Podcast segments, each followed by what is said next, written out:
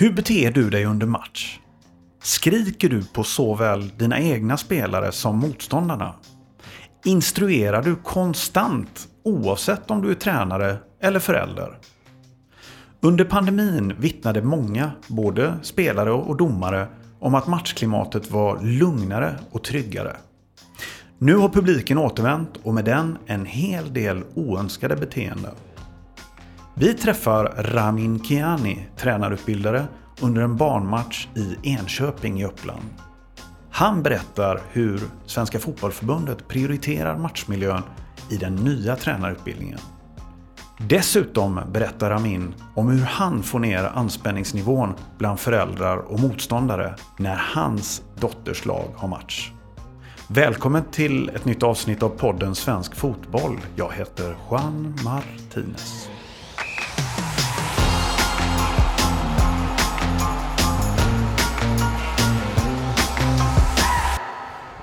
Då står vi utanför Enavallen i Enköping, Uppland och eh, med mig har jag Ramin Kiani, Svenska Fotbollförbundet, tränarutbildare. Välkommen Ramin! Ja, tack så mycket!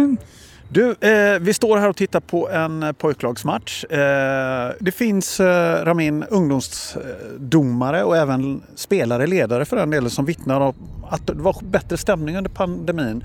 Framförallt att döma, det blev ett lugnare klimat. Eh, barn tyckte det var rätt skönt också många gånger att föräldrar inte var med på träningarna. Vad är din spontana kommentar till de reflektioner som de här barnen och, och eh, domarna har gjort? Jag tycker att det är en bra signal för oss att fundera över varför det är så. Varför upplever de att det är bättre stämning under pandemin och det ska inte behöva finnas en pandemi för att våra spelare och domare ska känna sig säkrare och tryggare. Så att det är, det är en påminnelse om vad vi vuxna kan bidra till för att våra spelare och domare och ledare för den delen ska känna sig ja, lugna och säkra och kunna skapa den här trivsamma miljön som jag återkommer ständigt till. Då. Om vi tittar lite på eh, fenomenet med vuxna föräldrar, ledare som skriker på barn och ungdomsmatcher. Eh, Vad är egentligen orsaken? Finns det ett gemensamt drag hos oss vuxna som får oss att agera på ett visst sätt? Jag tror mångt och mycket. Det är säkert eh, finns flerbottnat svar kring det. Men eh, en sak som jag kan peka på som jag upplever det är att Oftast så jämför man barn och ungdomsidrotten och i det här fallet eh, matcherna med elitmiljöerna. Att referenspunkten blir den elitmatchen som man har senast sett eller att man eh, har en, en stark eh, relation till och så tolkar man utifrån det och så tar man med sig de beteenden till barn och ungdomsmatcher och så blir uppträdande därefter. Här tycker jag att vi ska göra en, en, en, markering, en stor skillnad. Att elitmatcherna spelas utifrån andra förutsättningar och barn och ungdomsmatcher ska spelas utifrån andra värden. Vi landar ju någonstans ändå alltid att det är en tävling och resultatet betyder så mycket för även barnen, alltså, eller kanske framförallt för barnen. Är det, en, är det ett problem det där Amin, att vi alltid kommer få leva med den här dualismen inom idrotten, barnidrotten. Att utbildning, men det finns ett resultat, en tävling att ta hänsyn till hela tiden. Ja, eh, för det gäller tävling så tycker jag eh, det, det, ska finnas med. Det är en eh, idrottens kärna på något sätt. Och barn älskar att tävla. Barn och ungdomar gillar att tävla och spela matcher och jämföra sig med, med de som står på andra sidan. Så det är någonting som vi inte ska ta ifrån dem. Det är snarare vi ska bejaka det. Däremot, i det sammanhanget så kan vi lägga in att vi ledare, vi som leder matchen, vi tränare, publik, vi ska ha andra eh, saker i fokus. Vi ska låta barnen tävla på sina villkor medan vi ska ha le, vi, vårt beteende ska leda till att skapa den här ja, utvecklande miljön för, för eh, våra barn och ungdomar. Du är ju själv eh, ledare, förutom ditt uppdrag och din, din eh, tjänst på Svenska Fotbollförbundet som tränarutbildare, så tränar du även din dotters lag. Hur förmedlar du Ramin utbildningsfokuset till dina spelare och hur försöker du få dem att, att inte lägga för stor vikt vid resultat och att kanske vinna varje match? Jag brukar säga att matchen i helgen det är en summering av vad vi gör under veckans aktiviteter. Våra träningar ska summeras och vår prestation ska på något sätt eh, sammanfattas i matchen. Och då försöker vi använda matchen som en påminnelse, en, en kort repetition av saker vi har tränat på. Och så låter vi matchen vara i centrum för spelarna, att, att de sätter sina kunskaper i, i den kontexten. Och sen brukar prestation, en bra prestation brukar leda till att man vinner matchen. Och vi pratar aldrig om själva resultatet av vår prestation. Vi snarare fokuserar på vad vi gör när vi har bollen, när vi förlorar bollen, när motståndarna har bollen, när vi vinner bollen och så vidare. Så att jag tycker att man ska ha den Eh, låta matchen vara en summering av veckans träningar. Och det är klart att för mig också ibland är det utmanande att få det här kortsiktiga, att hjälpa mina spelare att vinna matchen idag och sen ha det här långsiktiga i, i perspektivet, i fokus. Att få de här två eh, faktorerna att gifta sig, det kan vara en utmaning såklart. Du, eh, när man tittar på hur förbundet framförallt har agerat med att försöka motverka tävlingshetsen och, och vilket i förlängningen då påverkar hur vi vuxna agerar runt barn och ungdomsmatcher. Man har infört tabellfritt upp till eh, till och med 12 års ålder. Man eh, eh, försöker ta bort i vissa distrikt den här nivåindelningen i seriesystemet. Eh, man har tre perioder på matcher för att lugna ner och låta, låta spelarna samla sig med sina ledare och så vidare. och så vidare. Finns det något annat, ser du Ramin, organisatoriskt kring fotbollen som gör att vuxna inte alltid kan tygla sina känslor. Att, att vi fortfarande kan gå på en match och höra vuxna människor bete sig väldigt illa. Ja, det, det kommer säkert vara så även i framtiden. Eh, oavsett hur mycket mm, åtgärder som vidtas, till exempel med tabeller eller att matcherna nu genomförs genom tre perioder istället för två som var, som var tidigare för att ledarna ska få en större möjlighet att tala med sina spelare och ställa fler frågor till spelare. Det kommer alltid vara så att enskilda ledare kan bete sig på ett eller annat sätt, mindre lämpligt eller bättre lämpad. Eh, så det, det, kommer vi inte ifrån. En sak däremot kan vi ta fasta på. Det är att om man kommer till exempel till tränarutbildning och får tillsammans med andra kurskamrater en, en möjlighet att reflektera kring matchmiljön. Den reflektionen och de diskussionerna som förs där kan leda till att man kan fundera lite grann över sitt eget beteende, hur mitt beteende som ledare kan stötta matchmiljön till bättre utvecklande för mina spelare eller tvärtom att det urholkar. Så att det här eh, handlar lite grann om, eller lite grann, mycket om utbildning. Att få reflektera och fundera över hur jag kan stötta mina spelare. Sen tror jag någonstans att alla ledare i grund och botten vill hjälpa sina spelare. Det, det, är min starka övertygelse. Sedan våra, hur vi agerar kan ta sig uttryck på olika sätt. Bättre sätt eller mindre bra sätt. Men du, ändå Ramin tänker jag, hur kan det här fortsätta år efter år? Att vi läser om de här fallen, barn och ungdomsmatcher där, där folk, vuxna människor gör bort sig grovt och skriker och gapar och beter sig illa, skäller ut domare som bara är 13-14 år och allt vad det är. Hur kan det fortsätta trots informationskampanjer? Man sätter upp stora skyltar, det är fair play, det är gröna kort och allt. Eh, vad, vad tror du? Ja, återigen, eh, referenspunkt, elit, elitmiljöer, elitmatcher. Eh, idag exponeras vi eh, i stort sett sju dagar i veckan. Vi kan titta på elitmatcher på olika kanaler och ser man sina förebilder bete sig på ett sätt så, så blir det kutym att, att man kan bete sig på samma sätt. Eh, tidigare erfarenheter, tidigare ledare. Man har kanske själv varit med i en kontext där det har förekommit att ledare har skrikit och, och, och betett sig på ett eh, mindre lämpligt sätt mot domare, mot motståndarna och då blir det på något sätt eh, legalt att det är så man ska bete sig som ledare. Återigen, jag skulle vilja hänvisa och rekommendera tränarutbildning som en, eh, som en insats. Eh, att komma till utbildningen, att tillsammans med sina kurskamrater fundera, reflektera kring hur kan vi tillsammans skapa en så trivsam matchmiljö som möjligt.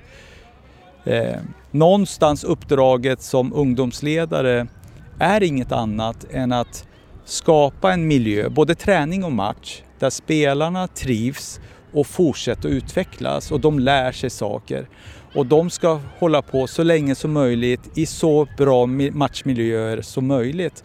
Så att det är någonting som man kan som ledare fundera på. Mitt beteende, kommer det leda till att mina spelare fortsätter över tid?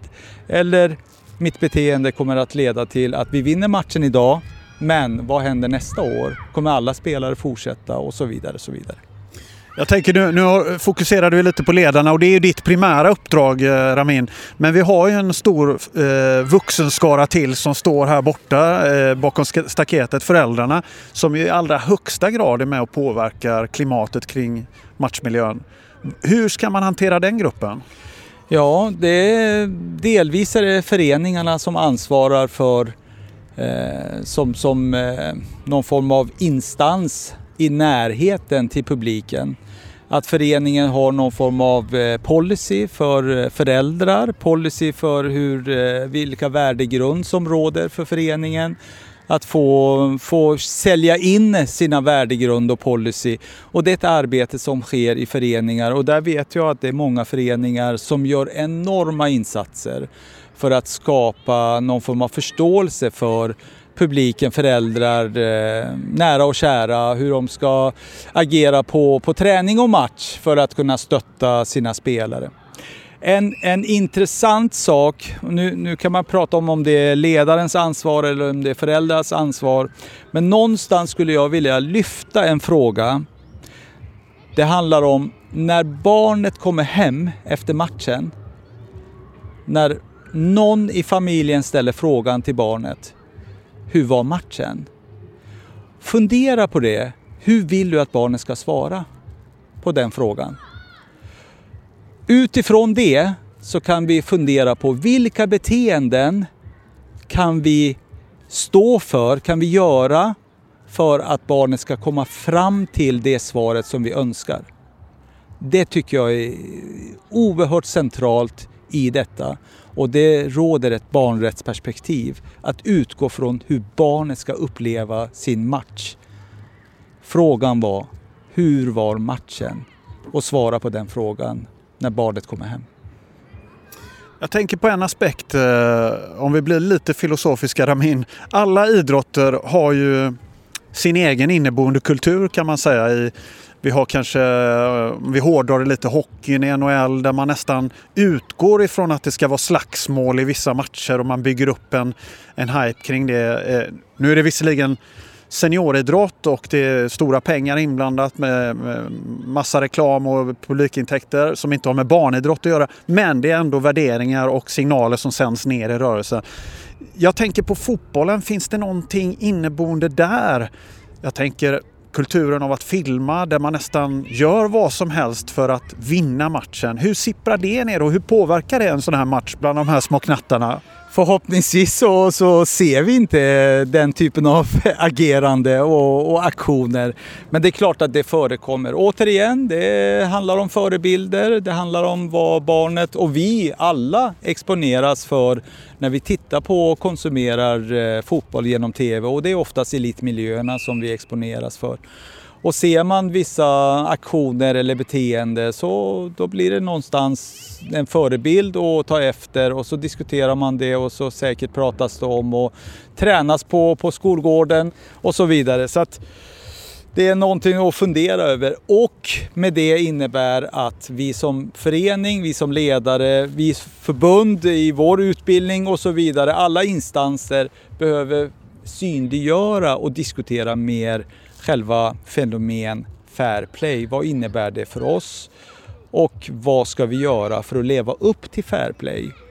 Är det okej okay att filma? Är det okej okay att skälla på domaren till exempel vid ett, eh, ett misstag eller ett mindre bra beslut eller motståndarna häckla dem eller alltså den typen av är det okej okay att göra så? Är det det vi ska stå för i svensk fotboll och svensk idrott?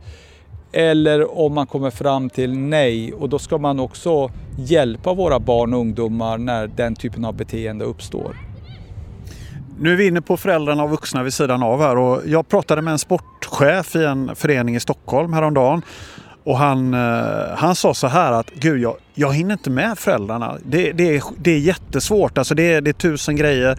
Och ändå är ju det här en så vital grupp att ta i beaktande för barn och uh, ungdomars idrottande. Hur ska vi lösa den knuten, uh, tänker du? Ja, men jag, jag tycker föräldrarna är jätteviktiga. Föräldrarna är jätteviktiga i sammanhanget och, och som den sportchefen vittnar om, tiden räcker inte till. Hur ska vi göra för att Eh, Eh, fortsätta med någon form av utbildning för föräldrar och implementera föreningens policy och, och värdegrund. Jag har, inte, jag har inte svar på, jag, jag har ingen facit på det, men däremot så kan man säga att utifrån eh, vad pandemin lärde oss eh, senaste åren så den digitala online-möjligheterna idag attraherar fler föräldrar att kunna koppla upp sig en kväll. Kan man köra någon form av eh, fortbildning online en, en tisdagkväll eller en torsdagkväll möjligheten att fler kopplar upp sig och kan ta del av den content som din sportchef som du pratade med kanske är mm, större. Och på så sätt så kan man nå fler. Men det, det är klart att det är eh, en utmaning, eh, absolut. Men föräldrar är en jätteviktig målgrupp för att implementera föreningens policy och värdegrund. Nu, eh, nu är det här Ramin en väldigt uh, vänlig tillställning får vi säga här. Det är oerhört god stämning trots att uh, det ena laget kanske är lite uh, väl mycket bättre än det andra får vi säga. Men det, det, det är fin stämning, det är ledare som står stilla och bara instruerar eh, sparsamt eh, och eh, det verkar som alla får mycket speltid. Publiken på andra sidan är helt tyst.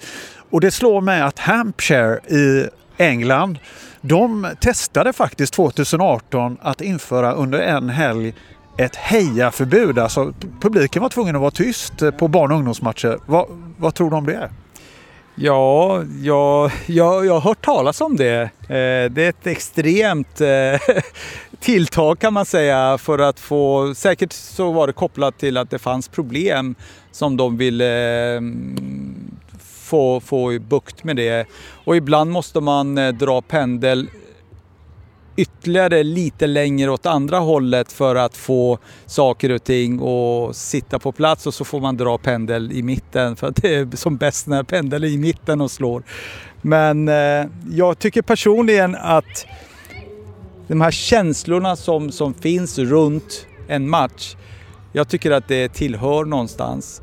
Och kan man få den här föräldrarutbildningen och publiken att förstå sin roll och att de är med och skapar den här trivsamma miljön som är, det ska vara kring en match. Att man kan uppskatta bra fotbollsaktioner, man kan applådera bra fotbollsaktioner till exempel om vi tittar nu, jag kan inte säga var vill publiken till röda laget eller gröna laget var de står. Det är inte uppdelat på för ett tydligt sätt. De står tillsammans. Det tycker jag är ett, ett trevligt sätt att publiken faktiskt kan blanda sig och stå tillsammans och titta på matchen och heja på båda lagen. Men visa gärna känslor, applådera och heja på bra aktioner men också beröm goda försök och ansträngningar. Det tycker jag är trevligt. Hur brukar du göra med, med, brukar du säga någonting till eh, föräldrar som kommer utifrån, alltså motståndarlagets eh, vuxna? Välkomnar du någon på något speciellt sätt eller har din förening någon policy där? Ja, vi brukar göra så, både föreningen och jag själv. Eh, vi brukar samla bortaföljet när de kommer till arenan, skjutsa sina barn brukar vi samla dem och hälsa dem välkomna. Inte bara hälsa välkomna alltså motståndarledarna och spelarna, men även publiken hälsar vi dem välkomna. Vi berättar vilken arena de har kommit till och vilken stad de har kommit till. Lite kort om Enköping och Enavallen till exempel. Vi berättar lite grann vilka de ska möta och hur ofta vi tränar. Och vi berättar om var det finns toaletter och fika och kaffe och så den typen av information. Det brukar faktiskt hjälpa till att skapa en, en trivsam stämning och de känner sig sedda och, och, förstår att de är viktiga för oss också för att vi ska få en, en bra stämning kring matchen. Brukar du påminna om parkeringsavgiften med va? Ja, det finns. Tyvärr så är det parkeringsskivor, är det inte uppsatta på rutan så brukar det bli lite böter. Bara det, det informationen brukar vara väldigt uppskattad och skapa band mellan oss eh, och eh, publiken. Du Ramin, i i en del föreningar så, så har man ju sin policy faktiskt inskrivet där att man uppmanar föräldrar att även heja på motståndarlaget. Alltså att man, man, man ska berömma barnen i, i det andra laget. Vad, hur, vad tänker du om det? Nej, men jag tycker det är väl bra eh, om man upplever att det kan leda till att det blir en bättre stämning kring matchen, att, att eh, spelarna känner sig uppskattade så är det fine med det. Och är det så att någon eh, i publiken inte vill applådera motståndarna, ja, då, det, då får det stå för den personen. Jag tycker det är bra initiativ och jag uppskattar den typen av initiativ som innebär att det blir inkluderingar, välkomnande och, och att det skapar eh, bättre stämning. Hellre det än tvärtom. Du, eh, den som kanske mest av alla på och kring en fotbollsplan känner av stämningen det är ju domaren eh, som också kanske oftast är mest utsatt för en hetsig stämning. Vad tänker du där om? Eh, jag tänker främst på Inger Eliassons eh, forskningsrapport från Umeå universitet där hon pekade på att det var många ungdomsdomare som kände sig hotade, kränkta under en match. Och det får mig att, att bara höja på ögonbrynen, så ska det inte behöva vara.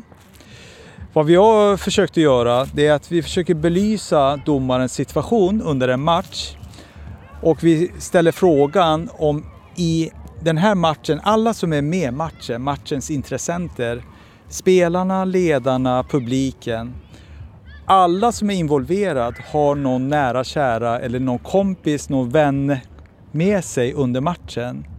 Men domaren har inte det. Oftast kommer de till matchen ensam. Och det behöver vi också belysa och lyfta fram.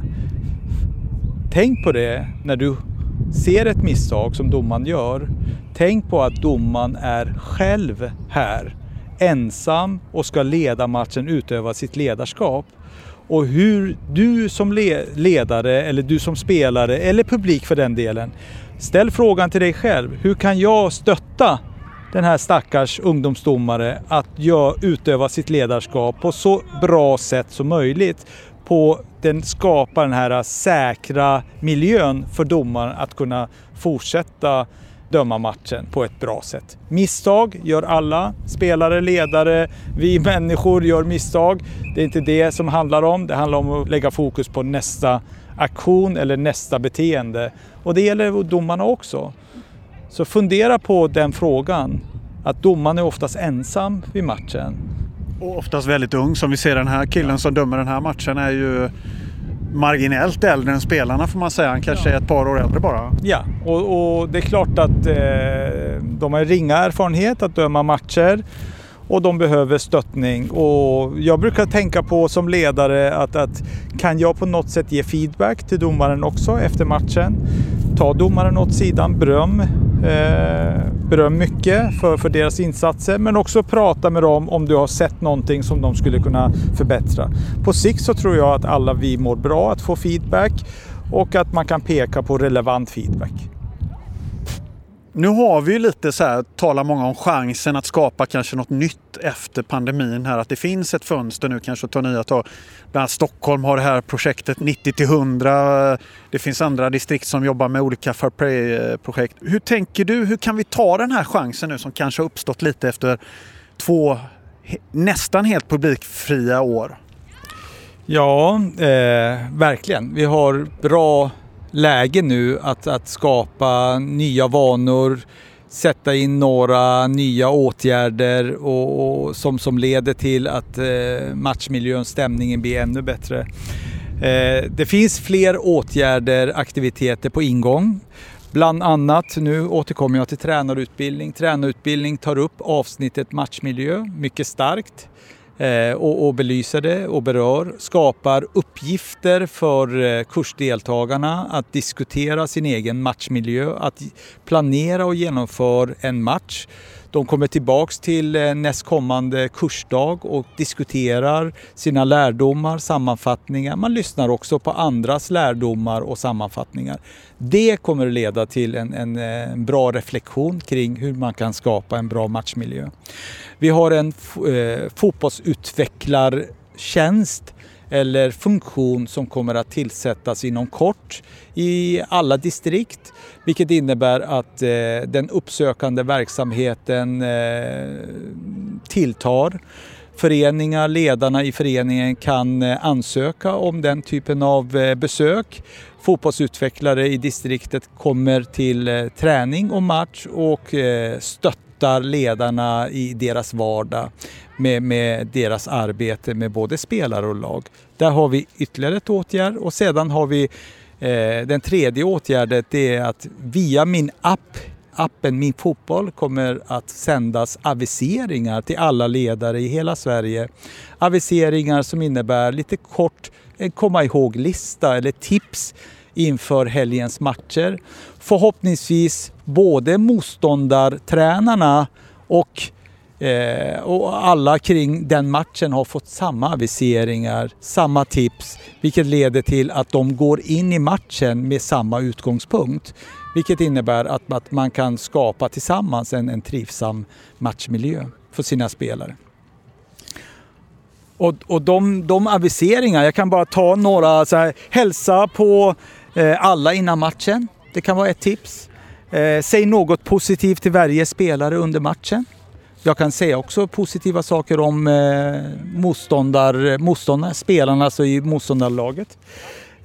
Berömma spelare när de hjälps åt. Alltså man, man lyfter fram hjälpsamhet, beröm goda försök och ansträngningar, uppmuntra spelarna till eget initiativ, ställ frågor till spelarna, stötta spelare vid misstag, hälsa på domaren eller domarna, hälsa på motståndarna på ett trevligt sätt. Sätt tio, tiotals aviseringar som kommer rulla under ett år och alla ledare kommer få samma tips och aviseringar för att de ska utgå från samma tips inför helgens match. Då.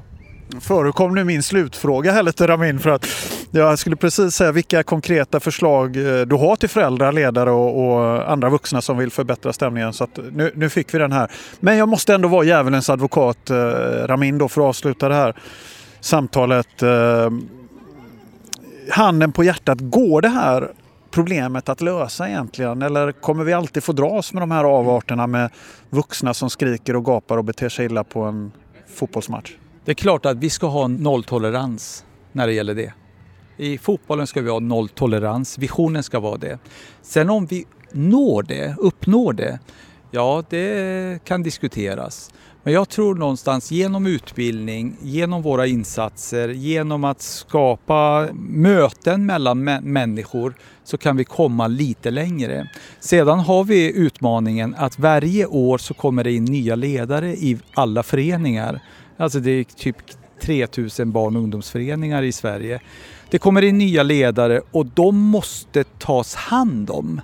De måste vi ta, ta någonstans få in i utbildning, få in om det är föreningens policy, utbildning, värdegrund eller om det är förbundets utbildningar eller vad det nu är. Men de måste få samma möjlighet och förstå vad idrotten och fotbollen i det här fallet i synnerhet då, vad, vad vi vill stå för kring våra träningar, kring våra matcher, att vi följer Eh, FNs barnkonvention, att vi har ett starkt barnrättsperspektiv och så vidare. Så vidare.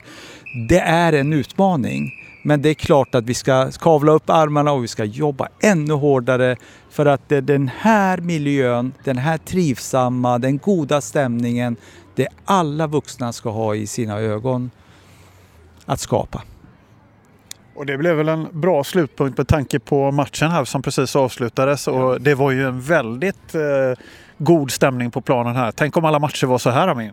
Tänk om alla matcher var så. Tänk om vad de här eh, spelarna när de kommer hem och får frågan hur var matchen?